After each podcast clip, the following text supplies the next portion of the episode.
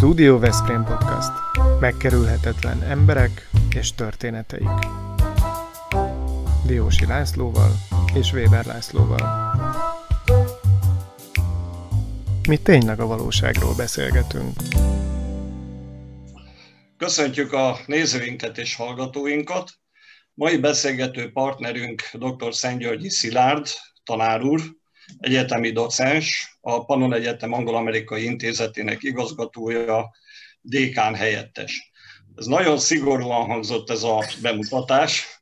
Azoknak, akik nem a tudományos oktatási szférában tevékenykednek, de azt hiszem, hogy ma lesz, mert jó hangulatú beszélgetés fogunk folytatni, és egy kicsit közvetlenebb lesz a stílusunk. Szervusz, üdvözöllek!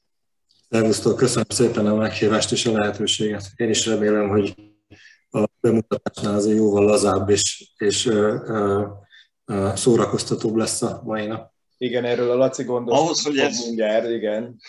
Jó. Meg is kezdjük igen. a szórakoztatást. Ezt akartam mondani, hogy kis merényletet rögtön terveztünk veled Na. szemben. Úgyhogy amikor megy egy hallgató vizsgázni, akkor kap néhány kérdést, amire kell válaszolni. Aha. Ha, ha nincs ellenedre, akkor próbára tesszük a tanár urat is most a angol-amerikai ügyekben. Lehetséges? Értem, akkor akasztjuk a hóhért, jó? Igen. Van, van olyan kollégám, aki nálam ebben biztos sokkal jobb lenne, de hát majd igyekszem. Tanár úr, ha valakitől azt kérem, hogy spellingelje a Mississippi-t, még olyan is, aki angolul kiválóan beszél, akkor csak néz, és borzasztó kínokat áll át. Te ezt így kapásból meg tudnád oldani? Ezt éppen meg, mert az- azt tudom, hogy az M-en kívül az összes többi mással hangzó dupla benne, mert hogy volt szerencsém a államban élni egy darabig, és ott a, azzal határosan Mississippi például, úgyhogy ott, ott muszáj volt ezzel találkozni. Tessék, Tehát, tehát Tehát uh, MI, dupla S, I, dupla S, hogy van? Magyarul, magyarul furáljon ki a dolog, hogy a Mississippi-t én magyarul betűzöm, de mindegy. M-I-S-S, I-S-S, I-P-P-I. így van, így van. Igen, így van. Csak az lenne komplikáltabb, ha Massachusetts-et kérdeztük. A Massachusetts még hasonlóan szimpatikus, igen. Igen, igen. No, következő kérdés. Meg tudnád-e mondani, hogy hol található a Kossuth County az usa Az Iowa, Iowa államban van. Ezt honnan tudod, megtudhatjuk? Hát Iowa City-ben voltam uh, egyszer egy évig, egyszer egy fél évig, és ez oda nagyon közel van. És Igen, rendszer, ezt, láttam, rendszeresen láttam Kossuth County rendszámmal uh-huh. autókat, úgyhogy ez, ez véletlen műve, ez nem különösebb olvasottságból következik, ez egyszerűen adottság kérdése. Tudtuk, hogy ott voltál a Fulbright ösztöndíjjal, és éppen ezért mertem megkérdezni. Meg kell jegyeznem, hogy én is pont akkor voltam az Egyesült Államokban, csak Newtonban voltam egy Demonstrating Democracy nevű pályázattal, és és én is állandóan Kossuth rendszámú kocsikkal találkoztam, és elkezdtem nyomozni, és kiderült, hogy a 99 county közül a legnagyobb county Kossuth, és ott van Kossuthnak a szobra Algonában. Érdekes. Így van. No, ja, eddig még eddig két válaszra kiválóan, két kérdésre kiválóan válaszoltál, most a harmadikat föltesszük, és ha megy, akkor tovább engedünk, és megkezdjük Oké. a beszélgetést. De, de azt is megbeszéltük Lacival, hogy elég csak egy kérdést nem tudni, és véget ért a beszélgetés. Akkor annyi. Jó, hát ez, ez így szokás, igen. Csak ez a motiváció miatt hangzik el. Tehát meg tudnád-e mondani, hogy ki az a személy, aki 1905 és 1995 között élt, Arkansasi szenátor volt, a Szenátus Külügyi Bizottságának elnökeként, illetve ahhoz kapcsolódóan különleges tettet hajtott végre. Ez a Fulbright szenátor, aki a Fulbright ösztöndíjat, illetve hát eredetileg a Fulbright programnak az elődjét alapította, és nagy szerencsére ez a program a mai napig működik. Éppen most él, ünnepel a, a Fulbright kerek évfordulót, úgyhogy ebben az évben is sok programra lehet náluk számítani, úgyhogy valószínűleg a Fulbright szenátorról van szó. Ez így van. És milyen párthoz tartozott egyébként? Hú, erre az egyik történész korábban biztos, hogy rávágná a választ. Megmondom őszintén, ezt nem tudom, de el tudom képzelni, hogy ő demokrata volt. De az is lehet, hogy nem. De, demokrata volt, úgyhogy rendben minden. No, hát tanár úr, sikerültek a választok, indíthatjuk a beszélgetést, és elsőként azt szeretnénk megkérdezni tőled, hogy te Jatén végeztél Szegeden, egy ilyen egészen furcsa kombinációban, hogy bölcsész és TTK együtt, vagyis matematika és angol nyelv együtt. Hát mi vezetett ahhoz, hogy az angolt választottad, és nem a matekot, holott a rossz nyelvek szerint abban is kiváló voltál? Um, igen, tényleg fura kombináció volt ez, annál is inkább nyilvánvaló volt ez akkoriban, hogy nagyon kevés helyen lehetett ilyen kombinációban képzésre menni. Emlékeim szerint egyetemi szinten talán csak a Jatén, illetve Debrecenben volt ez a szakpár, és főiskolai szinten volt még, ha jól emlékszem, talán Egerben, és nekem ezek közül a helyek közül Szeged volt a legszimpatikusabb, meg az egyik unokatestvérem addigra már oda járt egyetemre szintén, szintén tanár, és ö, igazából én addig, addig még nem komolyan döntött, nem döntöttem el teljesen komolyan, hogy, hogy mivel fogok foglalkozni. Mind a kettő nekem nagyon komoly szerelem volt. Egy elve matematika tagozatra jártam a, a lovasiba, viszont ott nagyon megszerettették velem a, az angolt is, és azt hiszem, hogy talán elsőben kellett nyilatkoznunk arról, vagy kérte az osztályfőnökünk Varga Vince tanár úr, hogy nyilatkozzunk írásban, hogy kinek, ki hol látja magát, merre fele szeretne tovább menni majd végzéskor, kérdezte ezt mindjárt az első évfolyamban, és én azt hiszem addigra már eldöntöttem, ez valamikor az ősz vége vagy tavasz elején lehetett, hogy nekem az angol meg a matek tetszik, én ezt a párosítást szeretném továbbvinni, tehát nem egy klasszikus természettudományos pálya, nem is a másik, hanem egy ilyen kombináció, de az osztályomból nagyon sokan mentek egy eleve egyébként vagy teljesen bölcsész vonalra, vagy egy ilyen érdekes kombinációra. Az egyik osztálytársnőm Rutkai Eszter, Rutkai Miklia Eszter, aki Zircen a Reguliantal Múzeumnak az igazgatója, nyelvész és, és néprajzzal is komolyan foglalkozik. Pálfi Géza, a történész Szent Korona kutatócsoportnak a, a vezetője, Hamar Zoltán vallástudományjal foglalkozik, Fajdernő szanszkritból fordít magyarra. Tehát egy nagyon, nagyon erőteljesen humán beállítottságú matekos osztály volt, volt a miénként, gondolom, és ilyen szempontból én sem nagyon lógtam ki közülük, és talán az egyetemen a, a második évtől, amikor komolyan tanultunk nyelvészeti tárgyakat, akkor tetszett meg nekem nagyon a nyelvészet, ami egy ilyen határterület a, a nyelv meg a matematika között, ha lehet azt mondani, hogy egy ilyen közös metszete, nagyon, nagyon erőteljes, egy, egy komoly elméleti nyelvésznek elég erőteljesen kell matematikát is tanulnia. Szépen a doktori programban, ahol, ahol végeztem a, a, a tanári szak elvégzése után elméleti nyelvészként ott gyakorlatilag elő volt írva mindenkinek, hogyha nem tanult matekot előtte komolyabban, akkor a doktoriskolában alapozó matematika tárgyakat kellett tanulni. Tehát ez egy nagyon-nagyon jó, érdekes meccéspont. A, a hallgatóktól én rendszeresen megkapom itt az egyetemen azt, hogy amikor nyelvészetet tanítok, akkor ők mindig panaszkodnak, hogy de hát ők ide nem matek szakra jöttek, hogy ezt hagyjuk ezeket a párhuzamokat, meg én itt hozok, hogy honnan lehetett ilyet hallani, meg hol, hol, hol láthattak. Ma már itt tartunk, bocsáss meg, hogy megszakítalak, hogy a laikus hallgató is értse te elkezdtél a matekról beszélni, de ehhez képest a fő tárgyaid, amiket oktatsz, az a fonetika, fonológia, morfológia. Erre a háromra tudsz-e nagyon röviden valami fajta definíciót adni, hogy ezek tulajdonképpen a nyelv mely részeivel és hogyan foglalkoznak? Természetesen ez, ez az, egy, az a szerencsé, hogy ez olyasmi, amit mindenki tanult már általános iskolában. A magyar nyelvtan órákon mindenki találkozik hangtannal, mindenki emlékezhet arra legalábbis, a kisebbik fiamnak még nem volt olyan régen az ötödik osztályos nyelvtankönyve, hogy tanultak hangképzésről, mással hangzó, magáhangzó osztályokról, tanulja mindenki azt, hogy milyen típusú más hangzók vannak, hogy vannak zárhangok, zárréshangok, és a többi, és a többi, hogy vannak felső nyelvállású magánhangzók, középső, meg alsó nyelvállású, meg ajakkerekítéses, meg anélküli. Hát ez nagyjából a fonetikának az egyik ága, az artikulációs fonetika az ezzel foglalkozik, hogy a hangokat hol, hogyan képezzük pontosan. A fonológia az, az, az ennek egy nagyon közeli rokon tudomány, az gyakorlatilag a hangosztályoknak a működésével és a, a, a hangokra vonatkozó működési szabályokkal vonatkozik. Itt olyanokat lehet megint csak emlegetni, mint a nem tudom én, a, a hasonlási szabályok, vagy a törlési szabályok, amiket mindenki tanul általános iskolában, hogy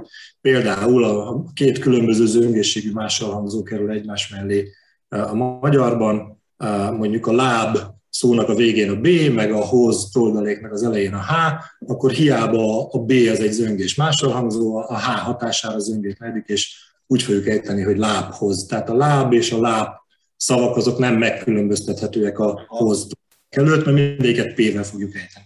Morfológia, térjünk el. Morfológia az meg, az meg itt kapcsolódik be, hogy a, hogy a, a hoz, meg a láb, az két különböző morféma. Ugye a morfémák azok a, a jelentéssel vagy nyelvtani funkcióval rendelkező um, hangkombinációk, ha úgy tetsző, morfémák, um, és ezeknek a ezeknek a viselkedésével, meg ezeknek a típusaival foglalkozik a morfológia. Ez egy, nagyon, ez egy nagyon érdekes kölcsönhatások vannak itt a nyelvekben, vagy nyelven belül ezek között a részek között, és nyelvek között elég nagy különbségek vannak abban, hogy ezek milyenek, tehát nagy a szűkebb szakterületem, de van mellette még néhány ilyen, ilyen nagyon kedves, mondhatom azt, hogy ilyen hobbi jellegű kutatás terület, ami egyre inkább érdekel, meg egyre jobban foglalkozom vele. Az egyik az az, hogy a, a, a nyelveknek a különböző változatai, akcentusai, dialektusai azok mennyiben térnek el egymástól. Van is ilyen tárgyunk itt az egyetemen, a, az angol szakosoknál, amit én tanítok.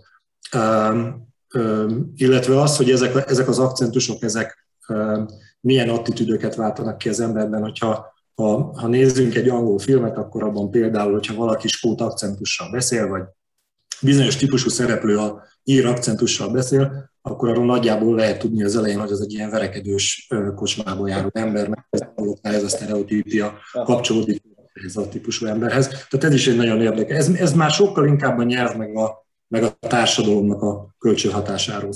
Bizony, bizony. Tanár úr, ahhoz kapcsolódóan, amit az előbb mondtál, vagyis, hogy halljuk a beszélőt angolul, és következtetni tudunk arra, hogy hát ő miféle ember, Eh, hogyan eh, gondolkodik, tehát a kifejező készségéből adódóan sok mindenre lehet következtetni. Te tartottál előadást azzal a címmel, hogy értünk Trumpul, tehát Donald Trump igen, beszédét elemezted, és ott ilyeneket mondtál, hogy úgy beszél, mint egy harmadikos, de mi teszi ilyen különlegesé az ő beszédét? Szókincse meglehetősen korlátozott, túlságosan gyakoriak a szóismétlései, brooklyni angol nyelvváltozatot beszél, amely az amerikaiak szerint erős, agresszív, nyomulós beszéd, de, de ugyanakkor ez a fajta nyelvváltozat azt mutatja, hogy az illető jó tárgyaló, jó üzletember, röviden fogalmaz, gyakran kommunikál és könnyen érthető, és még folytathatnám most helyetted, de nem Trumpról akarnék kérdezni téged, hanem Igen. azt szeretném megkérdezni, hogy ha már elnökökről van szó, akkor a mostani elnök, Biden, az hogyan beszél, mire lehet következtetni az ő esetében? Hát, ez Biden, Biden esetében um, um, nagyon, nagyon más a helyzet, eleve más um, az akcentus a Trumphoz képest, nem New Yorki nem kifejezetten brooklyni, ez a nagyon erős nyomulós nyelvváltozat, amit ő beszél.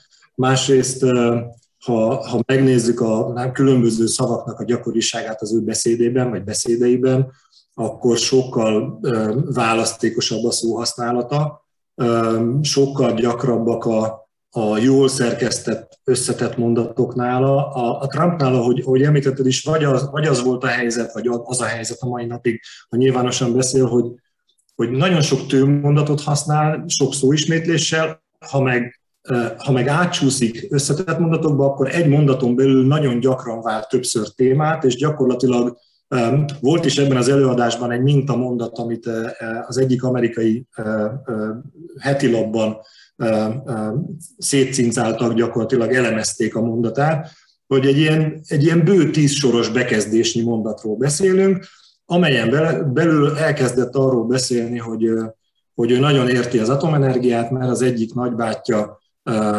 kutató volt az MIT, nagyon jól értett a szakmájához, nukleáris kutató, és hogy ő nem is gondolta volna, hogy a nukleáris energiának milyen hatalmas ereje van, de hogy a, de hogy a, a nagybátyja oda járt, és ez egy nagyon jó iskola. Tehát először elkezdett beszélni az atomenergiáról, utána a nagybátyjáról volt szó, aztán arról, hogy melyik iskolába járt, utána valahogy, ha jól emlékszem, a, a, azt is belekeverte, hogy az arabok milyen nagyon jó tárgyalófelek, és a végén tért vissza a kiinduló tételmondathoz, ha úgy tetszik.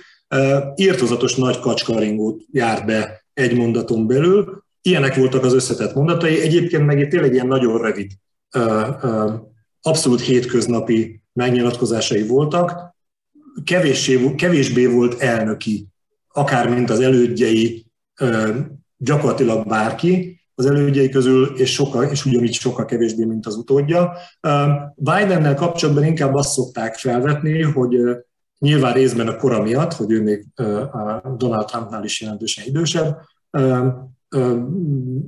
azért öreg, kicsit öregesen beszél, lassú a tempója, Sokszor vádolták azzal is, hogy neki nagyon sokszor muszáj felolvasni a szöveget, mert nem tud rá visszaemlékezni.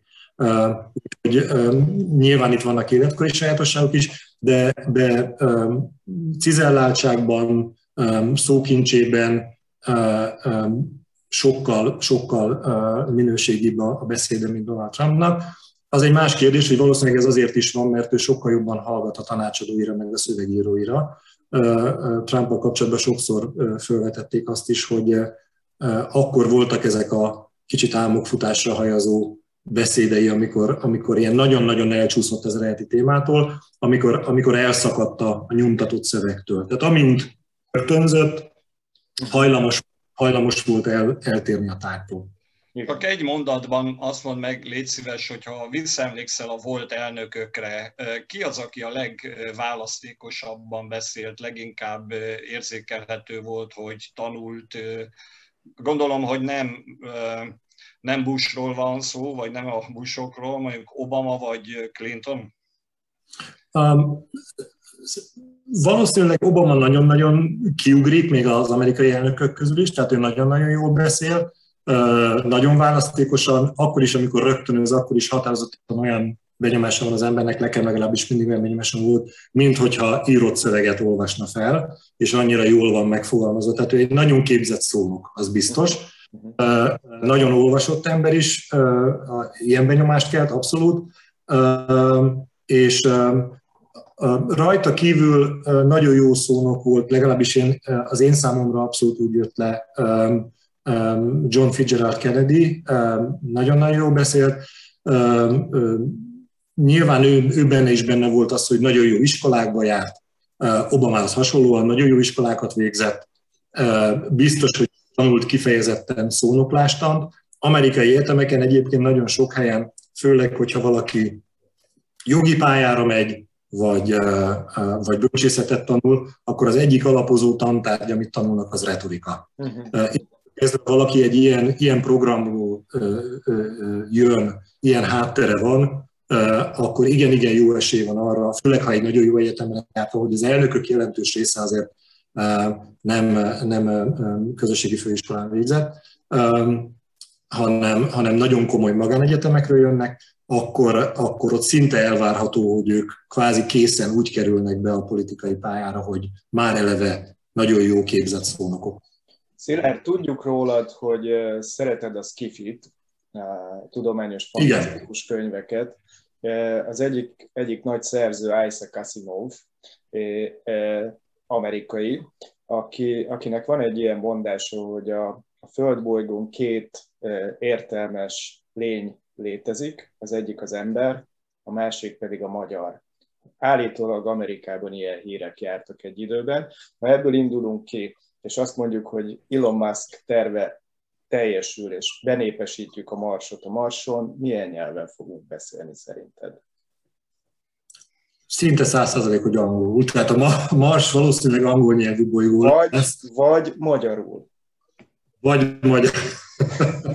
Igen, ezt hogyha visszaemlékeztek a, a, a második világ, világháború végére, a, a, a, az atombomba létrehozása körül a Manhattan terven dolgozó magyar tudós csapatra, vagy hát nagyon sok magyar tudóst is tartalmazó csapatra, meg a háttérben dolgozó magyar tudósokra, akkor ott, ott igen túl volt reprezentálva a magyar nemzet teljesen egy és, és hát ezért is mondták, mondtak ilyeneket akkoriban, hogy nagyon sok magyar volt szem előtt, ráadásul nagyon sok kiemelkedő képességű, nagyon jó kutató, ezért olyan benyomást keltettek, mint hogyha nálunk mindenki két lábújáró elméleti fizikus lenne, ami azért nyilván nálunk sem jellemző, de, de valóban sok amerikainak, főleg az idősebb nemzedéknek vannak ilyen emlékei a, a sajtóban ezek a kifejezések nagyon sokat forogtak akkoriban, és aki ezt gyerekkorában, fiatalon hallotta, abban nyilván ez egy nagyon komoly nyomot. Igen, igen. Valahol azt olvastam, hogy az angol nyelvben a jövevény szavak azok a 80%-át teszik ki a nyelvnek, vagyis hogy az angol nyelv egy olvasztó tégeje valójában a különböző nyelveknek. Lehet, hogy ez túlzás, mindenesetre rendkívül meglepő. Engem felettébb az érdekelne, hogy az a rengeteg szó, angolból származó szó, jövevény szó, ami a magyar nyelvben lelhető fel, az amellett elmehetünk szó nélkül, vagy ez, vagy ez nem helyes, káros, helyettesíteni kellene magyar szavakkal, mert próbáltam néhányat így összeírni, hogy régen átvettük a parlament, klub, zsűri, report, farmer, park szavakat például, rengeteg mellett, most csak kiválogattam néhányat. Az utóbbi időben az infláció, biznisz, szendvics, fesztivál, like, csevegés, de ami csodálatos Stúdió Veszprém podcastunk is a stúdió szó révén angol jövevény szót tartalmaz. Szóval te mit gondolsz erről? Um, én ebben nagyon, nagyon egyet tudok érteni a, a volt, volt tanárom, professzorom Nádasdi Ádámnak a, a szavaival. Volt szerencsém. Nádasdi Ádám tanított téged? Tanított engem a, a, a Jatén, a doktori iskolában, ő volt a fonológia tárgyainknak az oktatója. Nagyon szerencsésnek mondhatom magam, hogy tőle tanultam, és utána néhány éven keresztül dolgoztam vele is együtt az eltén. Már Veszprémben dolgoztam, itt voltam állásban, de mellette óraadóként tanítottam az eltén is néhány évig. És nagyon, nagyon egyet tudok vele érteni abban, hogy egyrészt lehet ezen aggódni, lehet, hogy valakinek ezek a szavak, vagy ezen szavaknak egy része ellenszenves, vagy nem szimpatikus, és szívesebben használ helyette másik szót, amivel szerintem az égvilágon semmi probléma nincs, mert hogy gyakorlatilag nagyon kevés olyan dolog van a valóságban, amire csak egy szóval tudnánk utalni. Hogyha több rokon értelmű szó van ugyanarra a dologra, miért ne használhatná mindenki a neki tetszett ezek közül. Tehát semmi baj nincs az, hogyha valaki kerüli a, a, az idegen eredetű kifejezéseket. Visszatérve az általad említett két kupacnyi szóra, a, a régebbiekre, meg az újabbakra, ez, azt gondolom, hogy ez nagyon jó, hogy eleve ezeket hoztak föl, mert ez nagyon jó rávilágít arra, hogy miből fakad a probléma. A probléma és az ellenérzés általában abból fakad, hogy az ember tudatos felnőtt élete során kerülnek be szavak az ő anyanyelvébe, és ezek egy része számára ismeretlen, mert nem beszéli azt a nyelvet, ahonnan bekerülnek ezek a szavak az anyanyelvébe vagy maguk a dolgok, amiket jelölnek, azok számára nem ismerősek, nem foglalkozik vele. Itt nagyon sok olyan szó volt, amit nem is említettél a frissek közül, amelyek mondjuk informatikai vagy, vagy, vagy, vagy okostelefonos technológiai újításokhoz kapcsolódnak, és hogyha valaki kevésbé fogékony ezekre, akkor nyilván sokkal kevésbé fog találkozni ilyen szavakkal, és emiatt tart tőlük. Azt szoktam mondani a a hallgatóknak, a, az első, főleg az első éveseknek, amikor bevezetés nyelvészetbe tárgyat tanítunk, hogy mindenkinek az életében bekövetkezik egy olyan pont, amikor kikerül abból a körből, ahol a, a nyelvi invenció végbe megy, ahol az újdonságok jönnek létre. Az újdonságok tipikusan a fiatalok nyelvében születnek, és ez nagyjából a tinédzser kortól nyugodtan elmehetünk a 30-as éveikben járó emberekig, tehát nagyjából ez a, ez a korosztály, a fiatal felnőttek azok, akik leginkább újítják a nyelvet. A, aki úgy tapasztalja meg ezeket a szavakat, hogy még elég fiatal hozzá, azoknak teljesen természetes, hogy beépül ez a beszédébe, a szókincsébe. Az idősebbeknek, akik egyrészt kevesebbet forognak fiatalok társaságában, másrészt kevésbé fogékonyak ezekre a akár technológiai, akár nyelvi újításokra, ezek világéletükben idegenek maradnak, és ezért kerül őket. Igen, um, enged, enged meg nekem kérlek, hogy egyszerűsítettem megfogalmazzam. Sokszor használjuk ezt a fordulatot, hogy régen minden, minden jobb volt. A nyelvre uh-huh. ugyanígy használjuk ezt. Létezik az, hogy romlik a nyelv, vagy létezik az, hogy javul a nyelv? Tudunk uh, Ez abszolút szubjektív. Abszolút szubjektív dolog. Uh, nyilván viszonyítási alapkérdése egyrészt, másrészt viszont tudományos szempontból eleve a kérdésnek nincs értelme, mert a tudomány nem, nem nyelvi minőséget mér. A nyelv minőséget attól függően lehet meghatározni, hogy mit nevezünk minőségnek egy nyelv esetében. Uh-huh. A nyelvváltozások a beszélő szándékától függetlenül is végbe mennek. Uh-huh. Az, hogy megváltozik, az, hogy mit hasz, milyen szót használunk valamire, ahogy előbb Laci példáiból lehetett látni, hallani, az, az nem egy-egy beszélőn múlik, és nem a beszélők szándékán múlik, hanem pusztán azon múlik, hogy elég nagy tömegű ember kezdi el használni azt a szót. Ha elég sokan beszélik, akkor az, vagy elég sokan használják azt a szót, akkor az megragad a nyelvben. De vannak nagyon jó ellenpéldák egyébként, gondoljatok arra, hogy a világ legtöbb nyelvében a számítógépre a komputer szónak valamilyen uh-huh. kiejtését használják, a magyarban, ha valaki komputernek mondja a számítógépet, azt szerintem fura pillantásokat szül, mert az emberek 90%-a legalább számítógépnek hívja a számítógépet. Én talán Palik Lászlóval emlékszem, hogy ő mondta mindig komputernek a Forma 1-es közelítésekben a, a számítógépet, én rajta kívül publikusan nem... Hill-el együtt, igen. Demo Hill, hová tűnt? Demo Hill-el együtt, így Úgyhogy ne, én, azt, én nem mondanám, hogy olyan nincs, hogy romlik a nyelv, meg olyan sincs, hogy, hogy javul a nyelv hoz, valamilyen idealizált állapothoz, a nagy költőkhöz, meg a nagy írókhoz mérni, de hát miért nem a jelenkornak a nagy költőihez, meg íróihoz mérjük? Ők is vannak olyan nagyok. Eszterházi legalább akkora nyelvújító, mint a, mint a reformkornak a, a, a, a nyelvújító szerzői, úgyhogy innentől kezdve ez, ez csak méréskérés kérdés. A tudományos szempontból igazából nincs értelme. Okay. Másrészt, ki a jövővény szó egyébként divatszók divat kifejezésként gyorsan elterjed, aztán amint az adott dolog, amit jelöl, kikopik a köztudatból, mert már nem annyira divatos, nem annyira érdekes, akkor gyakorlatilag el is tűnik. Uh-huh. Tehát nagyon sok ezek között abszolút kérészéletű, ami meg hosszabb távon megmarad, azt meg abszolút magyarítjuk, ha belegondoltok, ezeket mindig magyar helyesírással veszük át. A file szót FA pontos JL-lel írjuk le a legtöbben szerintem. Ha nekem le kell írni azt, hogy, hogy számítógépes fájlokat kérek, hogy valaki küldjön, akkor én ezt mindig magyar helyesírásra írom le. A videó szóban az út mindig hosszúval írom, mert a magyar szó végi az nyúlik, vagy hát hosszú. Igen. A magyar nagyon magára szabja, nagyon testre szabja még a jövővény szavakat is ilyen szempontból. Okay. Tanár úr, most már nagyon sokat beszéltünk a nyelvészetről, át kell egy kicsit nyergelnünk más területre, például a könyv világára, mert a mi műsorunk az nem nélkülözheti azt, hogy könyvekről ne beszéljünk. Uh-huh. Minden epizódunk valamilyen kapcsolódással rendelkezik a könyvek világához, és azt szeretnénk kérni tőled, hogy legyél kedves a különböző korosztályoknak, generációknak egy-egy olyan angol nyelvű könyvet ajánlani, amit jó szívvel tennél, ami élvezetes és érdekes lehet?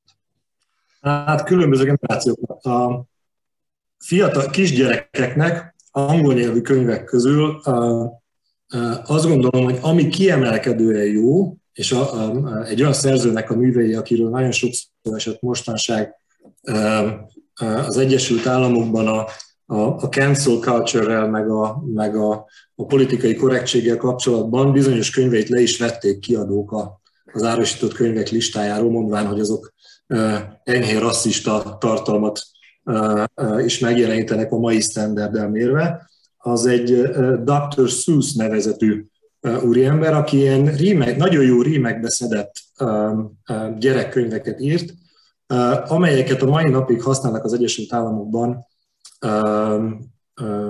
úgy, hogy írás oktatásra.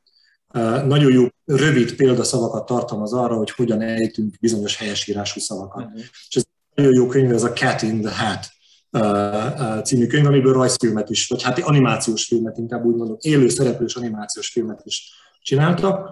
Tehát egész kicsi gyerekeknek, írástanuló gyerekeknek ez nagyon jó. Idősebbeknek, Laci említette az előbb a science fiction mai napig nem múló rajongásomnak a tárgya. Hát gyakorlatilag Asimovnak a, a könyveit, az alapítvány sorozatot, nem csak feltétlenül a trilógiát, hanem a robottörténeteket, megelőző robottörténeteket, vagy az alapítvány trilógia, trilógia után következő további köteteket is nagyon szívesen ajánlom. A felnőtteknek, idősebbeknek, hallgatóknak szoktam könyvet ajánlani, de úgy, hogy kötelező jelleggel, az egyik kurzuson éppen kiejtést tanulnak a hallgatók, és ott például szoktam kérni, hogy egy könyv részletből olvassanak fel tíz sort úgy, hogy a lehető legkevesebb kiejtési hibával, és akkor itt, amit én szoktam használni erre a célra, egy nagyon jó szórakoztató könyv az angol Douglas Adamsnek a, a Hitchhiker's Guide to the Galaxy, a Galaxis úti című könyve, az egyik legzseniálisabb angol humorista és szatirikus író szerző. Ezt is megfilmestették. Ez is egy több részes regényfolyam része. Nagyon-nagyon jó, nagyon meleg szívvel ajánlom mindenkinek. Mellettem meg gyakorlatilag inkább a legjobb tanács meg az lehet, hogy a lényeg az, hogy mindenki olvasson minél többet angolul, teljesen mindegy, hogy mit, olyasmit, amit, ami, ami őt érdekli, és ami meg még jobb, hogyha ugyanezeket utána meg is nézi filmen, Igen. ha meg vannak felesítve, hogy, hogy halva is megtapaszt őket, vagy hallgassa meg hangos könyvként, az is, az is egy nagyon-nagyon jó nyelvtanulás segítő dolog. Ez, ez, ez gyakorlatilag bármelyik könyvre jó lehet. Ha a diákjaidnál járt járunk, akkor egy kicsit én még visszakanyarodnék ehhez a témához, aztán már csak néhány percünk van, de mindenképpen szerettem volna megkérdezni, a doktori iskolában a következő nevekkel találkozunk nálad, hallgatóik között, Ahmedova, Mohamed Ammar, Ali, Hussein. Ezek szerint akkor te egy nemzetközi térben dolgozol Magyarországon, és egyébként az angol nyelv, vagy az angol kultúra az, ami így összeköti itt a nemzeteket. Ők, ők nagyon idegenül hangzanak mind az angol kultúrától, mind a magyar kultúrától. Igen, a, a, mondhatom azt, hogy szerencsések vagyunk, hogy nemzet, mind a, mind a, a professzori gárda, mind pedig a hallgatói gárda nemzetközi. Nem is csak a doktori iskolában, hanem gyakorlatilag alapszaktól, mesterszakon át egészen a, a, a doktoriskoláig. Részben vannak olyan hallgatók, akik tudatosan keresnek Európában egyetemet, ahol tanulhatnak idegen nyelvű kérdésekben. Másrészt a, a jelenleg futó Stipendium Hungarikum ösztöndi program keretében nagyon sok diák érkezik Magyarországra, így a Pannon Egyetemre és hozzánk a modern filológia és társadalomtudományi arra is különböző nyelvű szakokon tanulni. Így a mi anglisztika alapszakunk és mesterszakunk mellett például az alkalmazott nyelvészet mesterszaknak is van egy angol nyelvűen folyó évfolyama, és gyakorlatilag azt kell, hogy mondjam, hogy a többsége a hallgatóknak nem magyar. Uh-huh. Tehát egy, egy néhány fős csoportból, néhány magyar hallgató van, a többség pedig Indonéziától kezdve, Jordánián át, Egyiptomon keresztül, volt szovjet tagköztársaságok, Oroszország területéről, Kazaksztánból jönnek, nagyon-nagyon sokan vannak, és a doktori iskolában ugyanez a helyzet. A doktori iskola meg ráadásul még a neve is olyan, hogy erre predestinálja, többnyelvűségi nyelvtudományi doktori iskola, tehát a témája eleve a többnyelvűség, azzal foglalkoznak a hallgatók, hogy ez milyen speciális helyzet, és azt kutatják, hogy, hogy ez mennyiben más, mint, a, mint az egynyelvűek világa.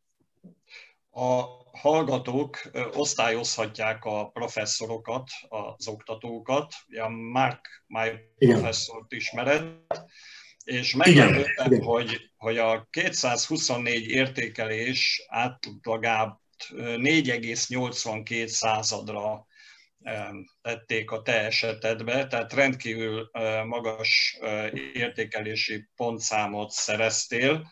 Aztán kíváncsi voltam, hogy milyen készséget honoráltak a leginkább a hallgatók. Esetleg tudod, mit gondolsz, hogy mit, melyek voltak azok a készségek, amit... Nem, nem tudom, én nagyon régen láttam utoljára a Mark My Professor oldalt. Legalább, legalább négy-öt éve volt, hogy utoljára én erre ránéztem, és akkor is azért, mert kaptam egy értesítést, hogy valaki ott valami kritikát fejtett ki, és akkor ott válaszoltam, mert nem voltam benne biztos, hogy, hogy ő valamit ott jól értett. Ennyi volt, de nem, megmondom őszintén, nem mélyedtem el benne, hogy mi volt a, azóta még nem is láttam, nem tudom, mi volt, amit értettem. Szóval a felkészültséget. Biztos lágyszívű voltam azt. felkészültséget, hogy nagyon felkészülten mész az órákra 4,88-al, szóval ez előtt azt hiszem, hogy le a kalappal, mert ez tényleg azt jelenti, hogy a hallgatók rendkívül akceptálják, amit, amit csinálsz. Nagyon rövid az időnk, nem nagyon tudunk sok mindenről beszélni már, pedig volna kérdésünk még rengeteg, de azt mindenképpen még a végén megkérdezném, hogy ugye úgy tudom, hogy a kosárlabda iránti vonzódásod az még létezik. Hát, igen.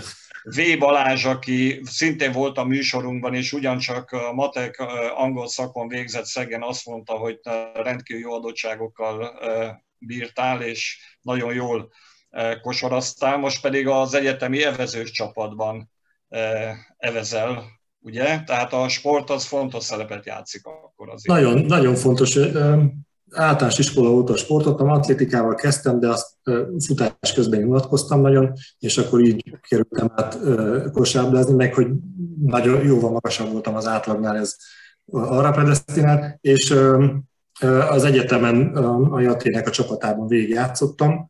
A Balázs egy-két évre járt alattam, ha jól emlékszem, ő is ott kezdett, de aztán átjött Veszprémbe, és itt Veszprémben kosarazott is, fejezte be a tanulmányait tehát egy néhány évvel elkerültük egymást, ő azelőtt végzett itt, mielőtt ide kerültem volna tanítani, tehát megúszta azt, hogy összetalálkozunk a teremben is. De azóta is figyeljük egymást, követjük egymás karrierjét. Aztán mindenfajta térsérülések miatt ezt abba kellett hagynom, mert annyira már nincs jó állapotban a lábom, de az evezés egy nagyon jó csapatsport itt az egyetemi szenior oktatói, dolgozói csapatban. Azt gondolom, hogy hallgatónak, oktatónak ez egy nagyon különleges élmény. Csapatban 11 nagy plusz egy kormányos evezni a Balatonon, ráadásul mivel az oktatók menetrendje nagyon feszes, általában ez kora reggel szokott lenni, 6 órakor Budataváról vízre szállni, és onnan megnézni a, a Kenesei Löszfal fölött feljövő napot, az egészen egyedi, egészen különleges élmény, amiben szerintem keveseknek van része, mert aki a Balatonra pihenjen, az, az nem jellemző, hogy ilyen korán felkelne.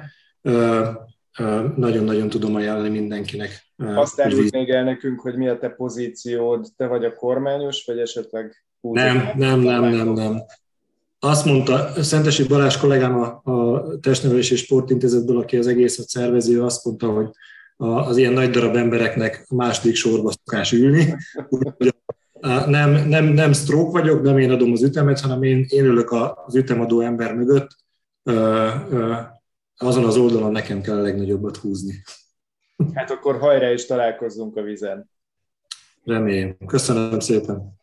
Csak az a probléma, hogy a keszthelyek most már nem vehetnek részt ezen a regattán, hogyha jól tudom, és ez egy szívfájdalmam nekem, aki keszthelyen végeztem, és ebben a műsorban is szeretném neked megköszönni azt, hogy így kiálltál a Georgikon érdekében, vállaltad azt, hogy egyetemi oktatóként felszólalsz a dolog ellen, mármint hogy elszakítják a Georgikon, sőt, most már degradálták teljes mértékben simán egy kampusszá oktatás nélkül a jövőt illetően.